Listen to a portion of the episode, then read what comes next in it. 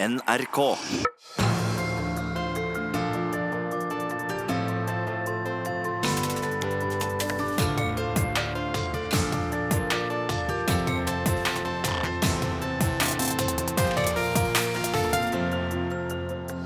I disse dager er det 160 år siden Charles Darwin lanserte evolusjonsteorien i bokform. Samtidig er forplantningsevna i fritt fall, og stadig flere menn må ha vitenskapelig hjelp for å formeire seg. Er den fallende fertiliteten et endetidstegn, eller løsninga på folketallsveksten i verden? Ja, velkommen til ei ny utgave av Disse dager på NRK P2. Programmet som hver uke prøver å gjøre deg litt grann klokere og litt mindre skråsikker.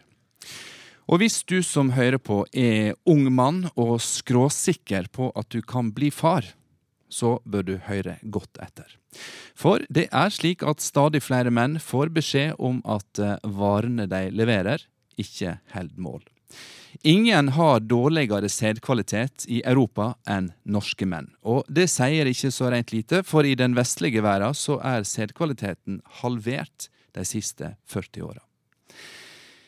160 år etter at Charles Darwin i bokform slo fast at det er den sterkeste som overlever, så gir en norsk forfatter ut boka Spermageddon om årsakene til at forplantningsevna er i fritt fall. Er det et endetidstegn og starten på slutten, eller er det tvert om løsninga på folketallsveksten, spør vi i disse dager. Når du møter Spermageddon-forfatteren, professoren som er ekspert på forplantning, biologen som kan sin darwinisme, og ikke minst mannen som har fått beskjed om at han ikke kan bli far.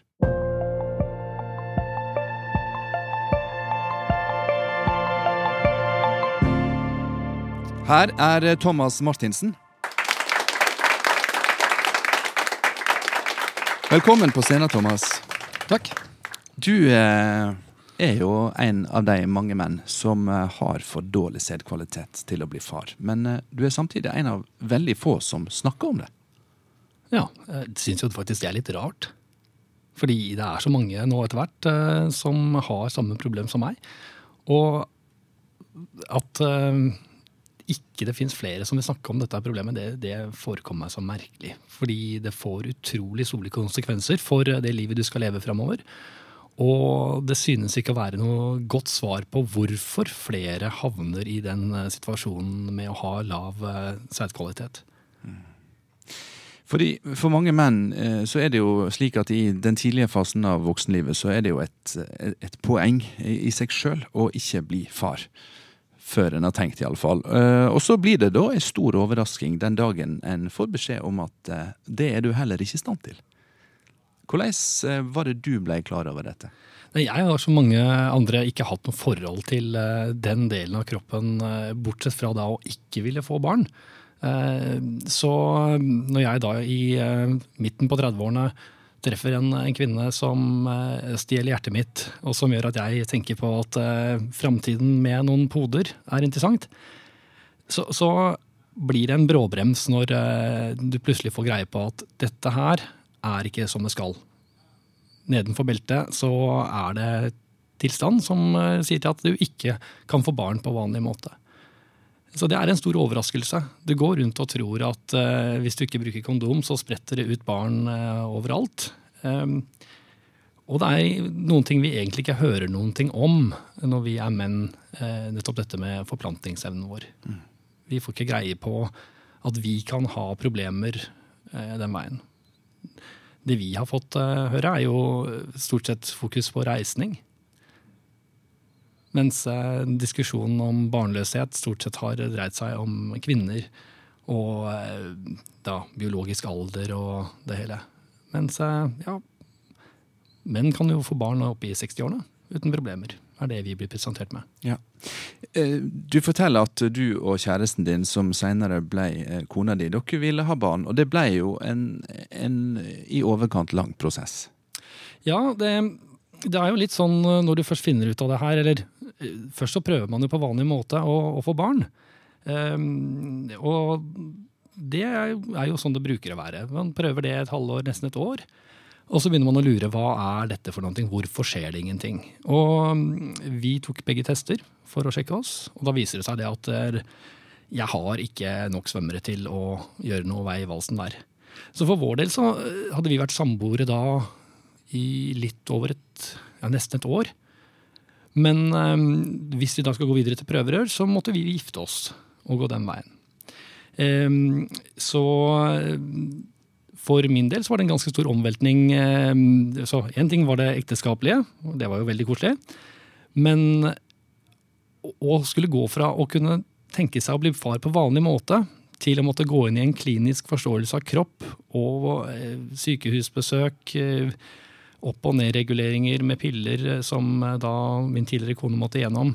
Men du òg ble sett på hormonkur? ja, det, det, var ganske festlig, faktisk. Fordi man skulle prøve å få litt fart i systemet der nede. Og da ble jeg satt på et follikstimulerende hormon som heter Pergotim. Og hvilket førte til at jeg fikk oppleve PMS. Og jeg følger med dere alle sammen, kvinner. Jeg har aldri følt meg så liten i hele mitt liv. Følelsesmessig ute av kontroll og tar på veie av ingenting. Nyttig lærdom. Dog gjaldt ikke så mye for svømmelaget. Mm. Jeg kjenner flere menn Thomas, som har hatt problemer uh, med å bli far, og som ikke har blitt det før de har uh, låst seg inn i et avlukke på klinikken eller på sykehuset og, og um, leverte vadene i en kopp der. Og det er stort sett det de mennene jeg kjenner, forteller om, for det er på en måte en, en sånn opplevelse som gjør at de føler seg ganske mislykka som, som menn. Ja, Det kan jeg forstå. Altså, det, igjen, man tenker jo på kjærligheten og hva man skal si til barnet sitt. At du ble unnfanget i en, en fantastisk hyrdestund. En dårlig skinnstol på Rikshospitalet er ikke akkurat det mest romantiske. Når sykkelbærerne på utsiden da forteller om hva de holdt på med i helgen, så skal du sitte der og gjøre ditt. Nei, det er, det er en veldig, veldig rar situasjon, altså. Eh, og så etterpå så får du lov til å titte i mikroskopet. Og det gjorde jeg, og der skjønte jeg ikke helt hva som skjedde, for det var helt tomt. Så så jeg én som svømte for harde livet. og det hadde vel jeg gjort også, hadde jeg vært så aleine i et så stort og tomt hav.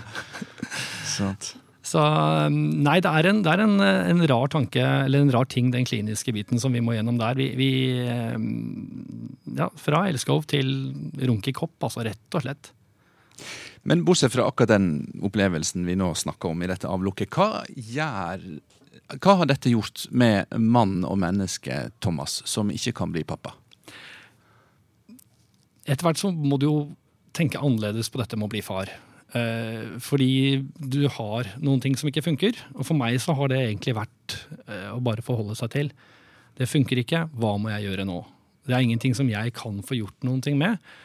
Eh, og heller ikke legen jeg har snakket med, og når vi har gjort ut, ulike utredninger, har vi funnet ut en måte å løse dette på. Så for meg så har jeg bare forholde meg til det. Dette er situasjonen min. Så det har ikke gjort noe med selve manndommen eller det jeg er. Men det største og det vanskeligste med det her er jo prosessen som kommer etterpå. Nettopp med prøver. Du skal gå igjennom så mye for å få barn. At det tar på, det er den her enorme eh, tyngden med det. Det som virkelig er slitsomt. Hva er det det tar på? Eh, når du prøver å få barn ved, ved vanlige tilfeller, så har du ca. en 30% sjanse. Det gjelder alle. Når du tar prøverør, så skal jo da først eh, partneren din nedreguleres. og Settes i gang med hormonbehandling. Og så tar man ut et egg. Eller flere egg. Og i, den, i det øyeblikket dette egget er befruktet, så vet du jo at nå skal det skje noe. Det blir satt inn, og så teller man dager. Man går og venter og venter og venter, og venter, og venter, og venter, og så fester det seg ikke. Man er obs på hver eneste del av prosessen ved å bli gravid. Og da er altså skuffelsen når det ikke skjer, så enormt stor. Og så skal du gjennom det her en gang til. Og en gang til. Og en gang til.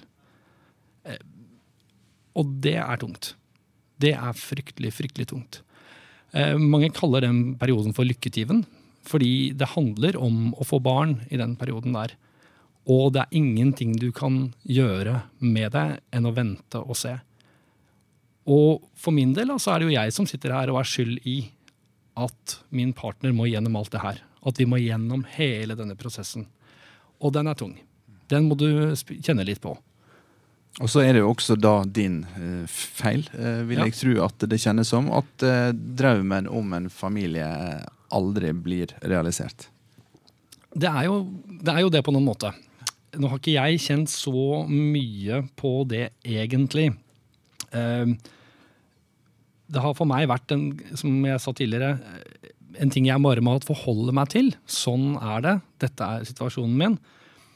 Eh, Så, så rundt akkurat det der med, med skyldfølelsen, så har ikke jeg følt så mye på det. Men det er mer det at hele prosessen går inn på deg. Alt det du må oppleve med et annet menneske som er veldig, veldig tungt, som, eh, som tynger. Du hører Thomas Martinsen i disse dager på NRK P2. Han er en mann som er i altfor godt eh, selskap og er en del av en veksende og nokså taus minoritet, nemlig menn som eh, har for dårlig sædkvalitet til å bli fedre. Foreninga Ønskebarn er en norsk interesseorganisasjon for eh, mennesker som strever med å få barn. Her er styreleder Lise Buch Jacobsen.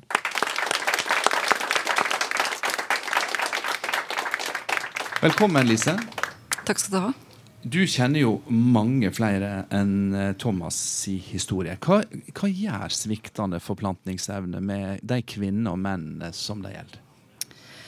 Ja, jeg tror de kjenner seg igjen i veldig mange av de følelsene som Thomas snakket om nå. At det er, en, det er en sorg, det er en sorgopplevelse du får når du plutselig oppdager at det som skulle gå så enkelt, som Thomas sier, det skal jo bare gå smack bang, eh, så gjør det ikke det. Så stopper det opp av ulike årsaker. Da er det veldig tungt. Det kan være det er sorg, det er skam. Noen føler på, på skyld, at de, de er årsaken til at eh, ønskebarnet og familien ikke blir en realitet, akkurat slik det var tenkt. Eh, og så er det mange tunge tanker rundt eh, det når du oppdager at det går ikke så enkelt. Så skal man ta beslutningene rundt dette med å få behandling. Og så er selve behandlingsforløpet også ganske tungt, hvor du hele tiden skal veksle mellom å være ja, det går denne gangen. Yes, det går. Og så tenker du ja, men jeg må bli så veldig skuffet hvis det ikke går, så jeg må være litt realistisk. Så den bølgen, den bølgedalen der, du er opp og du er ned hele veien, det er også ganske eh, krevende, mildt sagt. Så dette er, er eh, tunge saker, da, for å si det sånn, for de som opplever det. Tenker på at eh, For oss som har fått barn, eller de som har bestemt seg for at de ikke vil ha barn, så er ufrivillig barnløshet eh, en nokså fjern problemstilling. Er det litt av problemet dere også kjenner på? At vi som er rundt, ikke så lett kan sette oss inn i situasjonen? Jeg tror vi opplever at det er vanskelig å helt sette seg inn i alle de følelsene man kan ha når man selv har fått sine ønskebarn. Men samtidig så er det det som kanskje gjør at man kan forstå hvor krevende det er å ikke, ikke få det.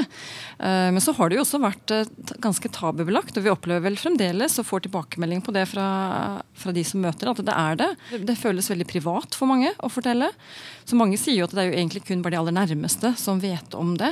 Kanskje må du si ifra litt på jobben, men det er også litt vanskelig, for da vet du at du skal være borte i behandlingsforløp og, og sånt. Så det er nok litt eh, tabubelagt. Politisk så har det også vært en opphetet debatt, hvor det har vært sagt at ok, møter du utfordringer med å få barnet ditt, ja, så, skal det kanskje, så er det kanskje sånn det skal være. Og det kan også være ganske tungt når du sitter der og, og ønsker deg noe overalt på, på jord. Thomas, har du blitt slått i hodet med Darwins eh, læreverk av folk som sier at ja, ja, sånn gikk det med deg? Ja, da, Man har jo blitt spurt ja, men behøver du virkelig få barn. Eh, så den har jo kommet opp, eh, absolutt. Så man, man får jo høre det. Men, eh, men i kanskje større grad så blir det sett på, som, satt på med litt letthet. De, men dere kan jo bare adoptere. Så du var litt inne på det her. eh, Det virker så lett for dere. Den verden som vi opplever når vi kommer inn i det her, er så dyp og så mange ting inni. Og den får du ikke sett fra utsiden. Lise, det har vært mye fokus på den infertile kvinna, og ikke så mye fokus på mannens eh, rolle her. Eh, men så vet vi jo at eh, mannlig forplantningsevne er eh, stadig dårligere. Merker dere det godt i ønskebarn? Ja, vi gjør det. Vi har fått flere henvendelser om det. Og så vet vi jo at det, det, tradisjonelt så har man sagt at det, hvis du får utfordringer, eh, møter ufrivillig barnløshet En tredjedel kan føres til mannen, en tredjedel til kvinnen, og en tredjedel finner man ikke årsak til. Jeg tror nok de tallene har vært veldig få som er kjent med, for det har vært så veldig mye fokus på kvinnen, så man har tenkt at hun står for en mye større andel enn en tredjedel. Så vi har jobbet med å få satt fokus på akkurat det, for vi har jo tenkt at det, det har vel på en måte skjedd så sakte at man ikke ser at det kan bli en alvorlig bekymring før man plutselig sitter der og ser at det kan få utslag for mange flere. Så vi har jobbet med å kunne få mer fokus på, på mannlig infertilitet og synkende sædkvalitet.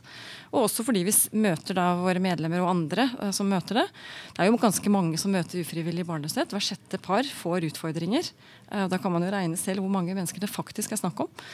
Hva fokus har dere i Ønskebarn? Er fokuset på eh, liksom Thomas og andre kvinner og menns historie og liksom deres helt personlige oppleving av dette, eller er det en tilnærming som går på at verden er i ferd med å virkelig havne i trøbbel her fordi forplantningsevnen svikter? Ja, Vi er nok der at vi ser at hvis det er noen utviklingstrekk som man tenker, trenger å få opp, så må man i hvert fall få opp oppmerksomheten hos uh, unge uh, kvinner og menn om at ting ikke nødvendigvis lenger går av seg selv. Det er jo ett spor. Samtidig som man også må gjøre selvfølgelig politiske myndigheter og forskningsmiljøer også klar over det. Så er nok vi, vi jobber jo på flere områder. Vi er også en organisasjon som har sorggrupper.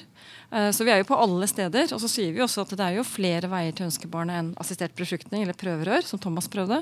Man kan adoptere, man kan være fosterhjem fosterhjem. Når det gjelder mannlig infertilitet, så har vi vært opptatt av at hvis det er en tendens, så må man jo faktisk tørre å si at eh, ok, sånn er det, men hvorfor er det slik? Og ikke bare da ha noen ønsker om at vi skal bli flere i Norge, uten at man ser at det er noen utfordringer med det eh, rent strukturelt. da. Mm. Thomas, er det i hele tatt noe trøst uh, å vite at du, du, er en av veldig mange? Ikke bare i Norge, men uh, ellers i verden? Nei, Jeg syns det er veldig rart faktisk at det er slik. Uh, gitt den kunnskapen vi har i dag om andre deler av kroppen vår. Vi kan bytte ut hjerteklaffer, uh, operere hovedpulsårer uten problemer, gå inn i lysken og kose oss opp i hjertet. Men åpne en tett sædleder, forstå hva som egentlig skjer der nede, det uh, har vi ikke egentlig noe ordentlig kunnskap om, eller klarer vi faktisk ikke å gjøre. Så, så sånn sett så er ikke det noe, noen trøst. Det er en, en rar ting faktisk, at vi blir flere, og at det er så lite kunnskap om det. Lise, er, er, det hjelp i historier som Thomas nå forteller på nasjonal radio? Det er veldig stor hjelp, for det er mange som, eh, som, møter dette. Og det å kunne høre at noen setter ord på de samme følelsene og det som kommer fram, det er en stor hjelp for mange. Så det er en viktig jobb, for å bruke det ordet, da, som Thomas uh, gjør nå, og deler med andre. Uh, for å få flere til å snakke, snakke høyt om det. Thomas, du fortalte eh, hvor, hvor slitsomt dette var for relasjonen mellom deg og kjæresten din. Uh, og det var en lang prosess, men det enda jo med at dere gjorde kort prosess. Ja. Det, det, det tok det som var av oss, ja. Uh, så vi, vi, skilte oss. Og gikk hver vår vei etter ganske mange år. Og vi prøvde og prøvde, ja. Og så har det skjedd ting i ditt liv, Thomas, som vi skal få høre mer om mot eh, slutten av sendinga, for du blir eh, med oss eh, da. Jeg vil si takk til Lise Buch Jacobsen fra foreninga Ønskebarn. Og det er jo ikke så mange menn slik som Thomas her som snakker om sin manglende forplantningsevne, selv om de blir stadig flere. Og kanskje så er det ikke så mange heller som tenker over at de kan ha for dårlig sædkvalitet.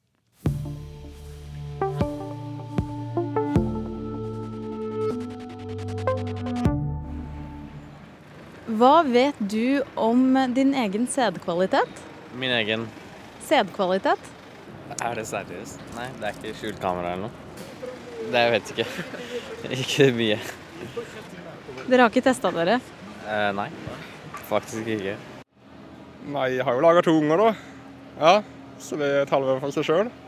Den er eh, hvert fall pålitelig og meget sterk. Hva vet du om din egen sædkvalitet? Nei, det vet jeg ikke så mye om. Det er Ingenting. jeg vet bare at den eksisterer. Du har ikke sjekka det? Nei, aldri. Jeg tror den er veldig bra. Jeg har eh, tre barn, så jeg er ikke bekymret for det. Jeg tror ikke jeg skal ha flere heller. Norske menn er blant de dårligste i Europa når det kommer til sædkvalitet. Okay. Hva hvis du er en av de? Egentlig så bryr jeg meg ikke så mye. Jeg har ikke tenkt å ha unger, så det spiller ingen rolle for min del. Jeg skjønner at andre kanskje tenker på det, men det har jeg egentlig ikke tenkt så veldig mye over, skal jeg være ærlig. Jeg tror ikke veldig mange tenker veldig mye på det. Så lenge de får unger, iallfall. Hva vet du om din egen sædkvalitet? Lite. Uh, ja. Og hvis jeg hadde visst noe, så er det ikke sikkert jeg ville sagt det. Du har ikke sjekka det? Jo, en gang har jeg gjort det. det, det han, legen mente det ikke var helt topp den gangen. Mm. Hvordan har det vært for deg å vite det? Nei, det, det var jo ingen positiv beskjed. Så Men eh, jeg vet ikke hva jeg eh, skulle gjort. Eller han hadde ingen tips. Eller de hadde ingen tips. Ja. Ja, det er slik at norske menn har den dårligste sæden i Europa. Du hører nå på disse dager i NRK P2, og vi snakker altså om sædceller midt i kirketida. Mannekroppen produserer 1000 sædceller i sekundet, og de skal helst opptre i flokker på opptil 300 millioner per dose. Men de blir altså stadig færre. Forplantningsevna er i fritt fall, slår forfatteren Nils Christian Gilmeden fast i sin nye bok som han har kalla Spermageddon. Her er han sammen med professor og forplantningsekspert eh, Trine B. Haugen. Ja, velkommen, Nils Kristian. 160 millioner av verdens folk er ufruktbare, ifølge overslag som er referert til i boka di. Halvparten er menn, men de blir stadig flere. Er det et eh, endetidstegn du skriver om? Eh, Det kan det være, mener noen forskere. Jeg er jo ikke forsker selv, så jeg eh, siterer jo studier og forskning i hele boken. Eh, Men eh, det er veldig mange studier som tyder på at det går fort feil vei. Eh, At det er mer enn halvert eh, siden 73 til 2011. Og at det ble halvert fra 55 til 1972. mm, At det er halvert to ganger. Og at det, halveres, eh, at det går fortest feil vei i Vesten, men også i Kina. Det er mer enn studier. Det sier så mye ved en sædbank ved universitetet i Fudan, som ligger i Shanghai. Så avviser de 90% av sædprøvene de kommer inn som ubrukelige. De imøtekommer ikke minstekravene. Så bare 10 kan brukes. Med den følge at man kan få solgt sæden på svartebørsen for 40 000 kroner per eh, prøve. Du er ikke forsker, men du er journalist som interesserer deg veldig for forskning. Og du har eh, gått gjennom mye forskning på feltet. Eh, Og boka di er jo ei solid samling årsakssammenhenger. Og det er jo rent for mange årsaker til å komme inn på det på alle nå. Men hva årsaker ser du i dette forskningsmaterialet som er verdt å trekke fram? Ja, det er sant som du sier. Man vet på en måte hva som skjer, og så er det mm, litt uenighet om eh, hvorfor det skjer. Mye av boken handler om det, og mye av boken handler om hva som kan gjøres når det først har skjedd. Eh, Det er nok riktig som en av de ledende forskerne sier, at det i alle fall har med kosthold å gjøre, og i alle fall har med livsstil å gjøre, og helt sikkert har med legemidler å gjøre, og antagelig også med miljøgifter å gjøre. Men disse fire områdene er jo vevet i hverandre. Eh, Det har vært utrolig spennende å skrive boken nettopp fordi man ikke vet. så Det er, liksom som, det er jo en slags krim. Det går liksom noen eller noe rundt i verden og gjør millioner av mennesker eh, infertile. Det har vært spenningen med å jobbe i et års tid med den. Ja, for I boka di er det referert både til store studier, små studier, studier med signifikante utslag og mindre signifikante funn, både hos dyr og mennesker. Er det overhodet ingen tvil om koblinga mellom årsakene og virknad her? Det er ikke lenger så mye tvil om hva som skjer. Eh, Det er stor grad av enighet om at dette går fort feil vei, eh, altså med antallet sædceller og med eh, bevegeligheten deres, og også med evnen til å trenge innlegget. Mye går feil vei fort, det er det enighet om. Uenigheten er altså om hva det skyldes. Og der er jo også, Man vet jo f.eks. at fedme, overvekt, diabetes er uheldig både for kvinnelig fertilitet og for mannlig fertilitet. Men mm, man vet også at mm, kjemikalier i matvarene antagelig eh, endrer energiomsetningen og, og tarmfunksjonen, slik at eh, man får vektøkende effekt uavhengig av mm, proteinmengdene man spiser. Eh, næringsinntaket blant nordmenn har ifølge forskning ennå gått ned helt siden 1980-tallet. Så det er mange sånne spennende ting. F.eks. var det en studie for noen år siden ved Harvard som viste at menn som legger om til økologisk kosthold, eller økologiske planter og frukter, eh, de eh, kan eh, oppleve å doble sin sædkvalitet. Antallet sædceller kan dobles ved å spise økologisk. Men det handler ikke bare om sprøytemidler. Det handler kanskje også om tungmetaller som kadmium, som man vet er uheldig. Det handler nok også om forekomsten av muggsoppgifter, som det er mye mer av i konvensjonelt korn enn i økologisk. Så det er mange faktorer som overlapper hverandre innenfor dette feltet. Trine B. Haugen, du er professor ved Oslo OsloMet, og du har jobba med reproduksjon hele ditt forskerliv. La oss først stoppe opp ved uttrykket dårlig sædkvalitet. Hva ligger i det begrepet? Det som ofte brukes uh, som dårlig sædkvalitet, det er produksjonen av sædceller. Altså de studiene man ofte snakker om, det er antall spermier. Mens sædkvalitet, det er veldig mye mer, og det er sannsynligvis også mye vi ikke kjenner til. Men bare for å ta de standardmålingene som gjøres på et eh, laboratorium, det er å telle celler, det er å se hvordan de beveger seg, og det er å se hvordan de ser ut. Uh, ja, stort sett så kan man si at det er ytre kjennetegn. Men så kan det være mye vi ikke måler, som kanskje har like stor eller større betydning. Thomas Martinsen her fortalte at han i mikroskopet på klinikken hadde sett én enslig svømmer i det, i det store intet. Hvorfor har stadig flere menn for få spermier? Hva er din eh, forklaring på det? Ja, nå må jeg, Fordi jeg er forsker og skal være kritisk til forskning, og også basere det jeg sier på god, solid kunnskap, så må jeg si at jeg ville like å ha et spørsmålstegn bak f.eks. tittelen i din bok. Eh, og jeg vil også si at det var mange infertile før også. Som kanskje ikke sto fram, hvor det ikke var behandling osv. Vi har fått en stor eh, Altså mye mer tilbud om behandling nå. Og jeg har bare lyst til å nevne det, fordi i Danmark så sier de nå at 9% av alle barn som blir født, blir det etter assistert befruktning. Eh, ikke bare prøverør, men inseminasjon f.eks. Og dette her er jo også et tegn på at det er mye mer tilbud nå eh, enn tidligere. Men like fullt, Trine, så eh, er det jo slik at eh, tallet på spermier, for det er det vi egentlig snakker om, eh, har blitt halvert på noen tiår. Og med tanke på at det er disse små cellene som gjør halve jobben i forplantninga, så er det jo nokså dramatisk, eller hva? Ja, altså Jeg er bekymret uh, selv. Etter den første studien som kom på begynnelsen av 90-tallet, så var det veldig mange av oss forskere som var skeptiske. Men så kom jo den studien i 2017 som for, uh, viste at du hadde den samme tendensen.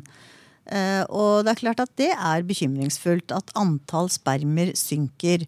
Og så er det en annen ting som ikke er nevnt her, som, vi, um, som også henger litt sammen med, med, med, mannlige kjønnsorganer. Det er testikkelkreft, som er en kreftform som rammer unge menn.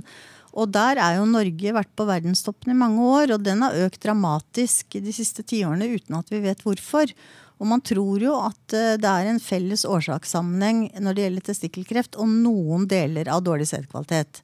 Men det, det, er klart at der kan det også påvirke altså, Noe kan også skje i voksentliv, ikke bare i fosterlivet. Så det er bekymringsfullt. Det som jeg også da syns er viktig, det er at man sorterer litt her. For det er klart at På 90-tallet så var det kjemikalier som var eh, den store stygge ulven. Og det var jo bl.a. pga. et uhell med sprøytekjemikalier som rant ut i Apopkasjøen i Florida. Og så var det alligatorer med feil kjønn osv. osv. Og, og da ble det mye forskning på kjemikalier. Eh, men så er den hypotesen litt eh, forlatt, og så er det mye annet med livsstil fedme osv. som har kommet inn. Det jeg tror er viktig, er at man skal se nøye og ikke bare tro, men å finne ut hva det er som gjør dette, og også erkjenne at her er det et sammensatt problem. Mm. Nils Kristian Gilmeiden, I boka di så skriver ikke du bare om kvaliteten på varene som eh, mannen skal levere, men du skriver også om mannekroppens evne til å produsere kvalitetssperm, om vi får kalle det det. Ja. Eh, og så skriver du at mannekroppen er i endring. Ja, det, er så Mye av min bok handler jo om at det skjer en generell feminisering av alt levende liv. Særlig i sjøen, faktisk, blant amfiber og fisk. Men også blant menn. Eh, forskning gjennom har jo skrevet at eh, seks av ti danske gutter nå utvikler kvinnebryster. Altså mange med melkekjertler. Eh, vi vet at hos oteren så krymper penis slik at det er vanskelig for oteren å få barn. Hos en del oter, ikke minst i Canada, i forurensede deler av Canada, så har testiklene forsvunnet det skjer på en måte en feminisering. Det er deler, på deler av Grønland så er det ikke blitt født uh, guttebarn på flere år. altså det, er, det, skjer, Man regner det blant forskere i noe som kalles anogenital avstand. Avstanden mellom endetarmsåpning og kjønnsorgan. Når den krymper blant pattedyr, så regner man det som et klassisk tegn på feminisering, og det skjer nå veldig fort. Både hos mennesker og hos andre pattedyr. Og det er ikke snakk om at dette kan være naturlige svingninger? Eller at, at det finnes forklaringer som Nei, ikke handler si, om menneskelig det, er, påvirkning? det finnes arvelige faktorer også, men det er enighet om at dette skjer såpass fort at arvelige faktorer umulig kan forklare det alene. I dag snakker vi om eh, sædkvalitet, spermier og mannens sviktende forplantningsevne på NRK P2. Og nå skal vi høre hvordan eh, dette temaet ble omsnakka i programmet Det barnløse ekteskap i 1969. Hva med mannen, professor Eivind Myhre? Ja, det vil eh, i de fleste tilfeller være nødvendig å undersøke også mannen. Eh, bare i unntagelsestilfeller kan dette utelates. Og når man skal undersøke en mann, så eh, er det viktig å spørre om hans tidligere sykdommer, eventuelle skader, om hans yrke, om hans vaner og uvaner. Og det er viktig å, å, se på hele mannen, om han er eh, maskulin av utseende eller om han er feminin. Se på fettavleiringer i kroppen, se på behåring. Men aller viktigst er jo selvfølgelig undersøkelsen av kjønnsorganene. Å se på testikkelvevet, som normalt er oppbygget av tettliggende kanaler, hvor dannelsen av sædceller foregår meget livlig. Ja, slik eh, hørtes du ut eh, da de snakka om eh, mannens forplantningsevne i 1969. Tilbake til 2019, eh, Trine Haugen, professor ved Oslo OsloMet. Eh, hva er årsakene til at vi har hørt mer om kvinners sin infertilitet enn mannens? Da jeg begynte å forske innenfor området, så fikk jeg høre en del av eh, kollegaer, særlig internasjonalt, som hadde noen teorier blant annet at det var litt flaut å være forsker eh, innenfor mannlig infertilitet. Man kunne bli beskyldt for å være homofil. Eh, altså, jeg aner ikke hva som egentlig har vært årsaken, men jeg tror nok allikevel at det har vært snakket lite om det. Og jeg synes også når jeg har og hørt på Thomas her, så slo det meg at det er jo sånn vi egentlig er vant til å høre kvinner fortelle om sine problemer. Så det er egentlig en form for likestilling, vil jeg si. At uh, vi også kan høre menn fortelle om det på den måten. Og så tror jeg ikke at uh, helsepersonell, medisinere osv. har vært, uh, hatt det så veldig mye av det på studiet. Og jeg vet jo også at i de nordiske landene så er det store senter og store forskningsgrupper rundt mannlig infertilitet. Det har vært lite av det i Norge. Nils Kristian Gilmeden, er boka di 'Spenmageddon' også et slag for At du slår et slag for den mannlige forplantningshelsa? Den er jo et slag for mange ting. Det er på en måte opplysningsarbeid. Jeg føler at jeg har drevet med å skrive den boken også. Det er den nummer seks i en serie av faktabøker. Og når jeg har fortalt eh, venner og kjente om det men under arbeidet, så har de alle sammen sagt oi, så flott at det blir færre av oss. At vi unngår eh, befolkningseksplosjon, som vi har vært redd for store deler av mitt liv. Og så, eh, Det virker på meg som om folk, iallfall på min alder, jeg er 58, tenker at fint, da blir det færre. Det blir færre, mindre kø på veien, liksom lettere å parkere bilen omtrent. Eh, de har antagelig ikke fått med seg at eh, dårlig sædkvalitet også betyr at man er mer disponert for å få sykdommer. En 20-doblet risiko for testikkelkreft. Eh, nedsatt levetid. Det er mye mer enn redusert mulighet for å få barn. Det er ikke folk klar over. Disse misdannelsene, hypospadi og kryptorkisme, det er forbundet med Sæden avspeiler mm, den øvrige helsen i større grad enn jeg var klar over da jeg begynte å skrive boken. Og det andre er jo at man ikke har fått med seg at eh, vi drar med oss andre levende skapninger i, i fallet. Altså fisk, fugler, insekter, andre pattedyr. Hundene er like rammet som menneskene. Trine B. Haugen, professor ved Oslo OsloMet, og forfatter Nils Christian Gilmeden, takk for at dere kom til oss i disse dager og gjorde oss både litt mer uroa og litt klokere.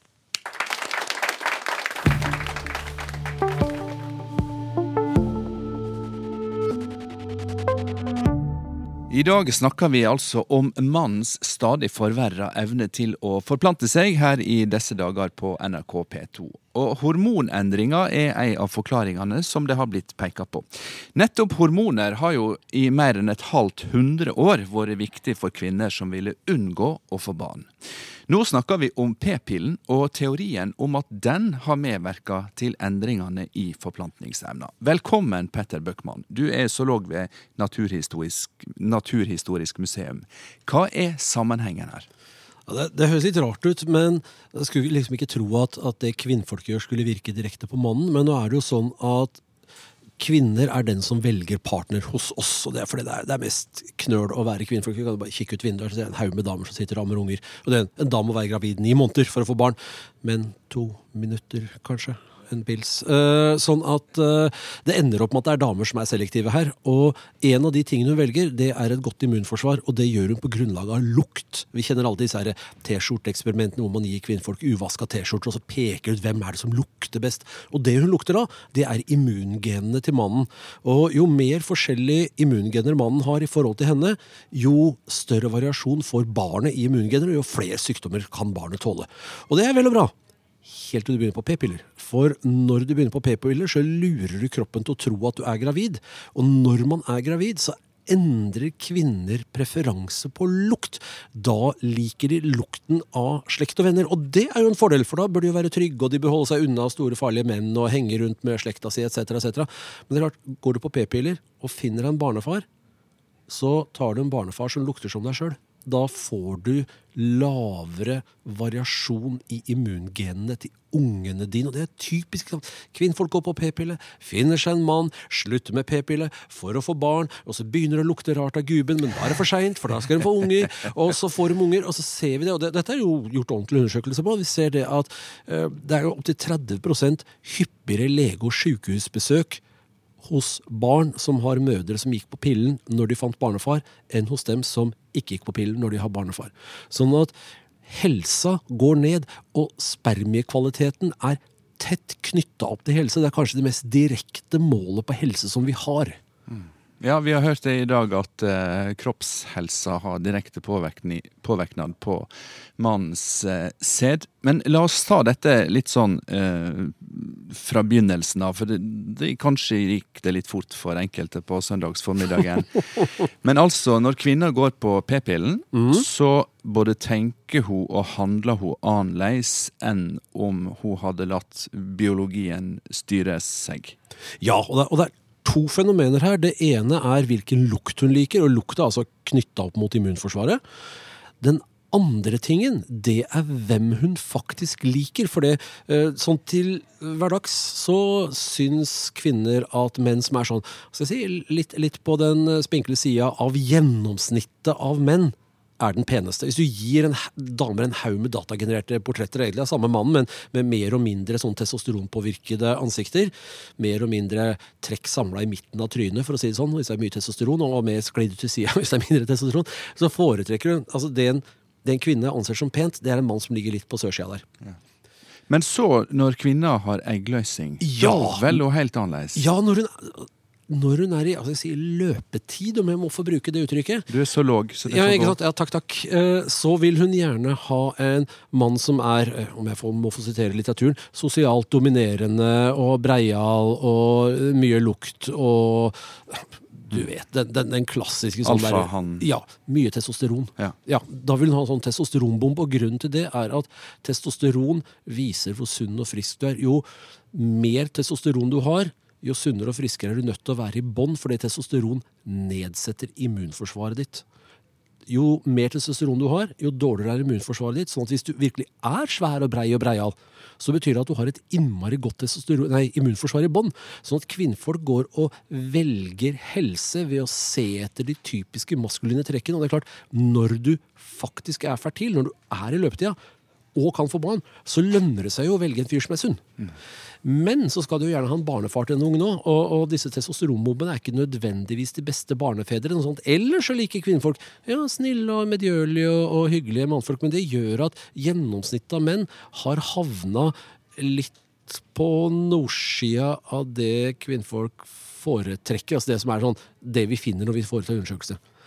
Når du P-pillen, Petter Bøckmann, ja, jo og nå, nå kommer vi til den. Når du går på p-pille, så forsvinner den libidotoppen som kvinner i utgangspunktet opplever rundt eggløsning. Den blir borte, og den kommer aldri hjem.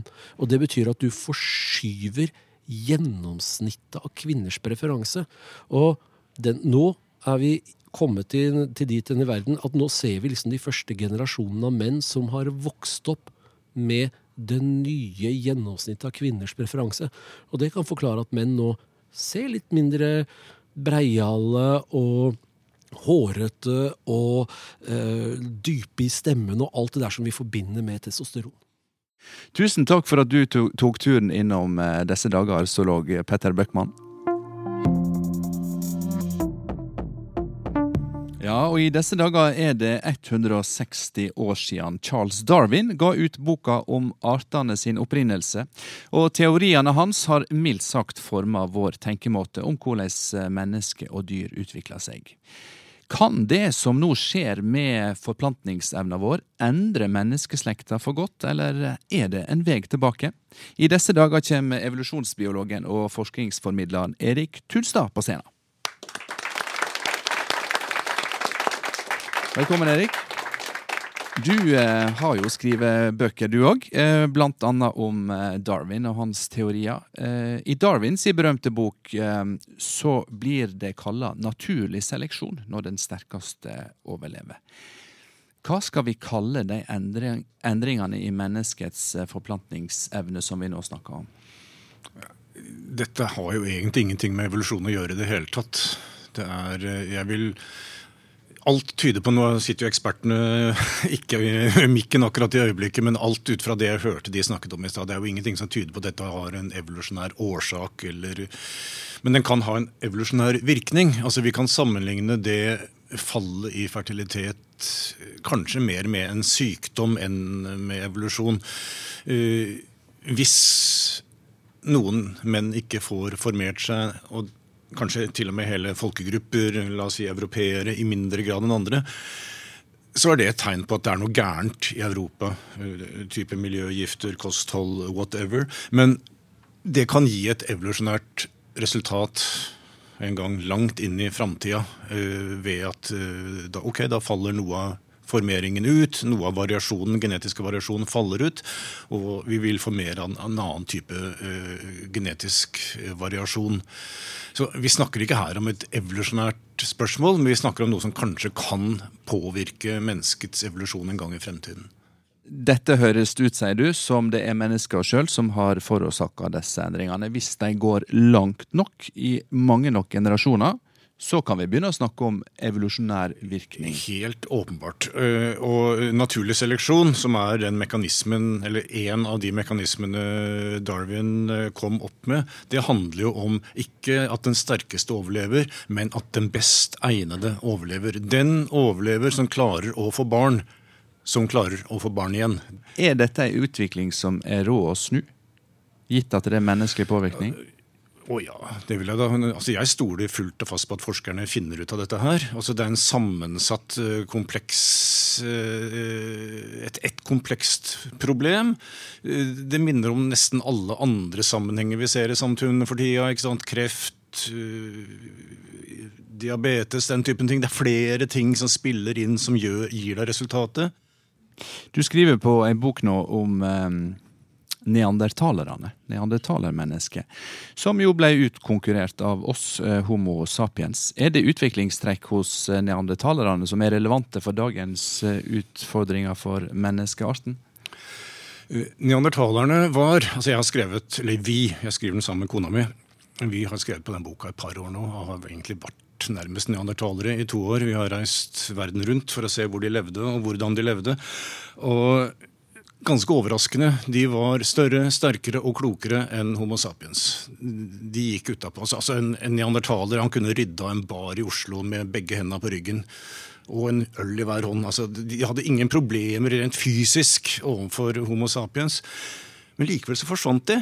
Og det til tross for at de var kuldetilpasset. De hadde levd i Europa, i, altså, inkludert deres uh, forfedre, hadde levd i, i, Europa i over en million år.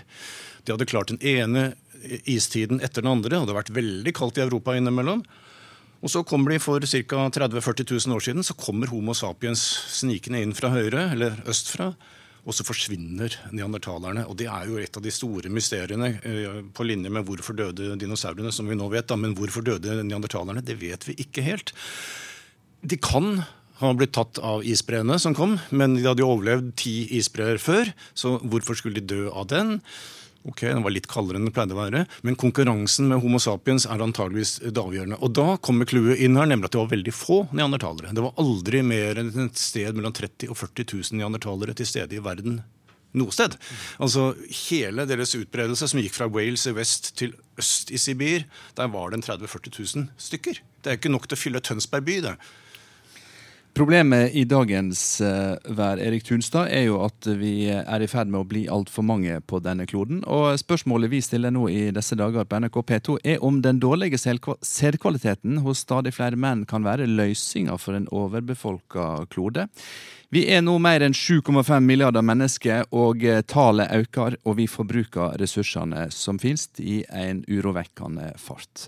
Anja Røyne, velkommen hit. I serien eh, forskere og vitenskapsfolk som har skrevet bøker, for det har du òg gjort. Du er fysiker og har skrevet boka 'Menneskets grunnstoff', som attpåtil fikk Brageprisen. Hva ville fordelen med å bli færre mennesker på jorda være? Eh, ja, det meste kan du si er litt greiere hvis vi er eh, færre. Eh, vi, vi, bruker alle mulige slags ressurser for å, for å, brødfø oss selv og for å lage ting som vi trenger. Og vi slipper ut avfallsstoffer når vi er ferdig med å bruke ting. og den belastningen som vi har på planeten, den er jo den er jo gitt av da hvor mange vi er, og så hvor, hvor, stor belastning vi får fra hver enkelt av oss. Da. Så hvis vi var mye færre, så hadde vi jo hatt litt mer, litt mer rom for hver, på en måte. Så, eh, så jeg hørte det, det ble liksom kommentert i stad at, eh, at uh, folks reaksjon på det med synkende eh, sædkvalitet var eh, ja, så flott, da løser vi befolkningsproblemet. Eh, og det er jo eh, Jeg skulle jo ønske at vi kunne løse det problemet på en, en måte som ikke ga mye sorg og smerte for folk, da. jeg syns ikke det er, er, Jeg håper ikke det er det som på en måte er løsningen. I boka di eh, så peker du på at eh, menneskekroppen og kloden eh, består av de samme grunnstoffene, og at det faktisk er en fare for at en en vakker dag bruker opp grunnstoffressursene på kloden? Ja, eh, ikke helt. Altså, vi har de grunnstoffene vi har på jorda. Eh, men vi, eh, vi, er avhengig av å, å, utvinne dem fra der hvor de har blitt samlet sammen gjennom geologiske prosesser som har skjedd gjennom millioner av år. Så f.eks. jern som vi utvinner for å lage jernbaneskinner og gafler og, og alt mulig, kommer Mesteparten av de ressursene som vi bruker, de stammer fra den perioden i jordas historie da bakterier i havet begynte å produsere oksygen, og alt jernet som var i havet, rustet og falt til bunns. Så, så, så det var en sånn oppsamlingsprosess som skjedde da. Og så utvinner vi det nå. Eh, og så sprer vi det liksom over hele kloden igjen, og så blir det vanskelig å, å samle det sammen igjen. Eh, jernet fins der fortsatt, men, eh, men, våre muligheter til å utvinne det fra jordskorpen kan bli vanskeligere etter hvert. Eh, fosfor er også et godt eksempel det trenger vi ikke bare for å lage gafler, men vi trenger det for å lage folk. Fordi at eh, fosfor er et grunnstoff som fins i alle cellene våre, i DNA-molekylet. sånn at vi må ha fosfor for å lage Også i cellene? Ja, det, det, gjør det nok. Um, uh, og uh, fosfor utvinner vi fra gruver for å tilføre det til uh, jordbruket over hele verden. Altså i form av kunstgjødsel. Uh, mye Hvis vi bare skulle slutte med det i dag, så ville vi ikke vært i nærheten av å kunne produsere nok mat. Og det har jo vært gjort en del sånn uh, framskrivninger på hvor lenge har vi gode geologiske ressurser da, til, av fosfor. Eh, hvor en del mener at det er noe som vi kan komme til å måtte bekymre oss for om ikke altfor mange tiår. Hva skal løsninga da være, Anja, hvis en ikke skal eh, lite på at forplantningsevna og sviktende forplantningsevne bremser folketallsveksten? Ja, så eh, På et eller annet tidspunkt så, så, er jordas befolkning nødt til å stabilisere seg. Altså, eh, den har på en måte alltid vokst gjennom historien. Eh, og du kan si at vi kan bli færre hvis vi bruker mindre. Men det fins en grense for hvor lite vi kan bruke. Og nå er vi i ferd med å møte alle mulige grenser. Det er, det, er, fullt av CO2 i, i, i lufta eh, i forhold til hva vi kan tåle. Det er eh, eh, vi belaster eh, vann med for mye fosfor og nitrogen. Liksom, vi har nådd en del av de grensene som det har vært advart mot da, lenge, lenge. Um, Eh, så hva skal vi gjøre for å få til den eh, bremsen i befolkningsøkning? Jeg skulle jo ønske det ikke var at, at folk ble sjuke.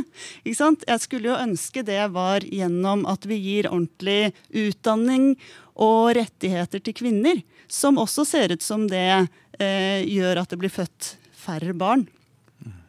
Erik Tunstad, som evolusjonsbiolog, når du hører på det vi snakker om, og leser forskning på fallende forplantningsevne, tenker du at uh, dette er klodens hevn? Nei, definitivt Nei. ikke. Uh, jeg syns ikke egentlig heller vi har et befolkningsproblem. Uh, befolkningen på jorda kommer til å stabilisere seg et sted mellom 9 og 11 milliarder på et sted mellom 9 og 11 milliarder mennesker. Og det klarer kloden ganske fint. Altså, det er ikke hvor mange vi er her som er det avgjørende. Det er hvordan de, alle de menneskene oppfører seg. Vi skal bl.a. huske at halvparten av alle store pattedyr som eksisterte på jorda, de var utryddet av mennesket før år 1500. Altså Det var steinalderfolka som drepte de, for de seks elefantartene som fantes i Europa for 30 000 år siden. Det er ikke vi som drepte dem, det gjorde steinalderfolka. De var ganske færre. Og det er altså hvordan man oppfører seg som er eh, poenget her. Og jeg tror løsningen på fremtidens miljøproblemer og alle andre problemer er utdannelse og velferd. Det største miljøproblemet verden står overfor, er fattigdom og urettferdighet. Så lenge folk lever i ekstrem fattigdom, så vil de alltid strebe etter å få bedre råd, alltid vil strebe for å overleve. Hvis du våkner om morgenen og ikke aner om du klarer å skaffe mat til ungene dine i løpet av dagen, da er du opptatt av det. Da er du ikke opptatt av naturvern. Erik Tunstad, evolusjonsbiolog, tusen takk skal du ha. Takk også Anja Røyne, fysiker og forfatter. Nå ender vi med å snakke om reduksjon i folketallsveksten i verden. Vi skal tilbake dit vi starta, nemlig med reduksjon i mannens forplantningsevne.